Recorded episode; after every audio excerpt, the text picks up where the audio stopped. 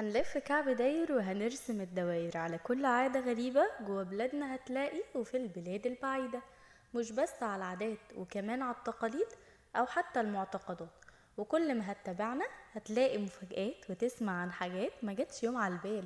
ما هو برنامجنا يا خال اسمه لفة كعب إزيكم مستمعينا مستمعي راديو شيزوفرينيا يا رب تكونوا بخير وبسعادة دايما. معاكم النهاردة أمل غزولي وحلقة جديدة من برنامجنا لفة كعب والنهارده هنتكلم عن مكان جميل جدا.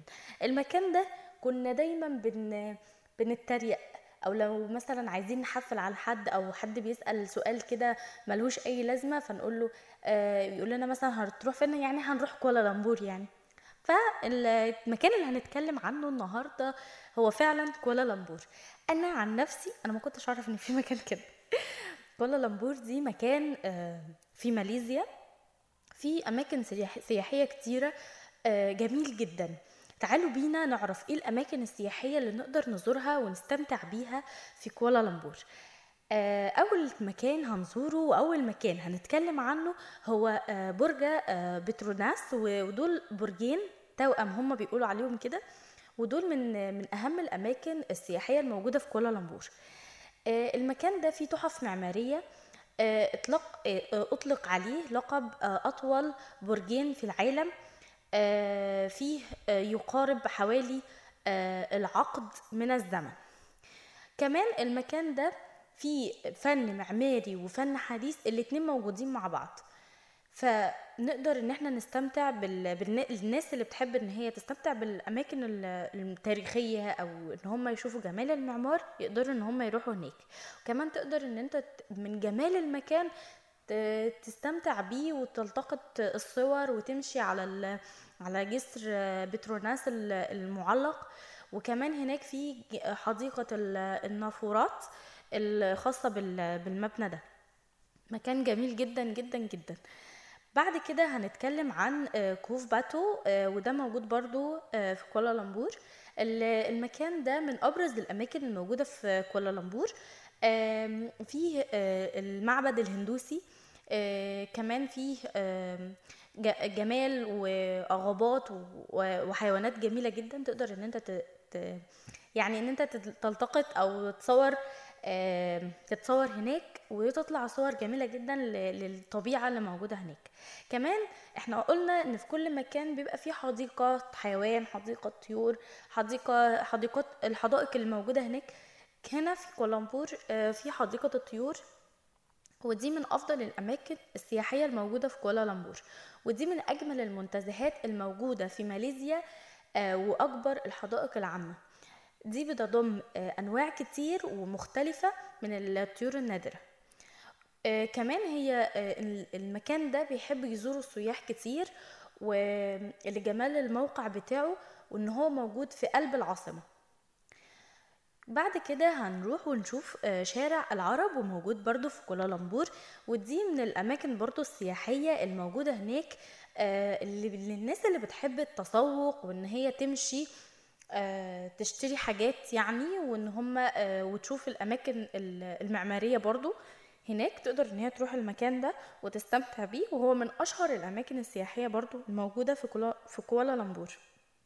كمان بعد كده هنتكلم عن السوق الصيني وده بيجمع ما بين ال- الثقافة الصينية والماليزية مع بعض في في المكان ده. ومكان آه، تقدر إن أنت تستمتع بيه. مش آه، مش غالي تقدر إن أنت تجيب اللي أنت عايزه وتستمتع ومش هتكلفك كتير.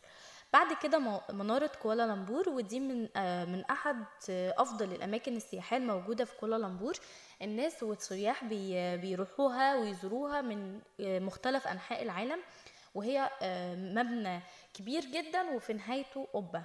المكان ده من يعتبر رابع أعلى برج في العالم. وده كمان بيبقى فيه مطعم متحرك ومحلات بيع هدايا تذكارية وتقدر إن أنت تشتري منها اللي أنت عايزه. آه بعد كده هنتكلم عن آه أو هنشوف حديقة ال- الفراشات. ودي للناس اللي بتحب الاستجمام ال- الهدوء الراحة السكينة. إحنا قلنا كنا قلنا إن كل مكان آه، بتلاقي فيه مكان كده عشان تحس بالراحة فيه وتحس بال- بالسكينة والهدوء وده كله. هنا في كوالالمبور اسمها حديقة الفراشات. جميلة فيها شلالات فيها إن أنت تقدر تشتري هدايا برضو فيها محلات تشتري منها هدايا ونباتات جميلة جدا جدا جدا. تقدر إن أنت برضو تتصور وت... وتاخد كافة الصور وتتمشى وتحس بالهدوء. بعد كده آه، في كمان مطاعم جميلة جدا آه، أسواق كوالالمبور في مبنى جميل اسمه مبنى السلطان عبد الصمد وده من المباني التاريخية للناس اللي بتحب ال- التاريخ وتحب إن هي تعرف ال- التاريخ والحاجات دي. تقدر إن هي تزور المكان ده وهو من أفضل الأماكن الموجودة في كوالالمبور. وده آه، موجود أمام ساحة ال- الاستقلال. المكان ده فيه تصميم رائع آه، بيحتوي على الطابع الأسباني. كمان فيه برج الساعة. آه، المكان ده بيجذب ال- السياح من كل أنحاء العالم. ال- المبنى كمان بيزينوه بالأنوار وال- والملونة والأعلام في المناسبات المهمة. وزي ما قلنا إن كل مكان ليه عادة والعادات والتقاليد الموجودة في ماليزيا غريبة شوية عن البلاد التانية.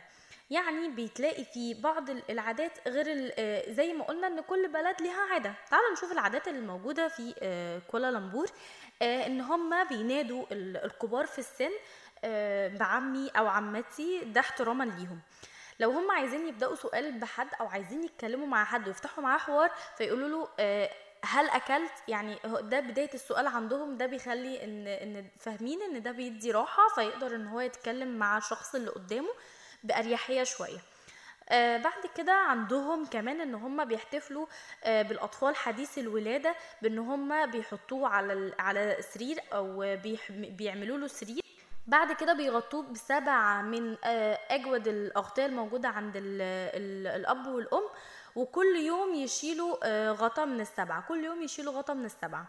آه، بعد كده آه، كمان عندهم إن هم بي بيدوا ال- الهدايا عبارة عن فلوس كتيرة أو على أشكال معينة.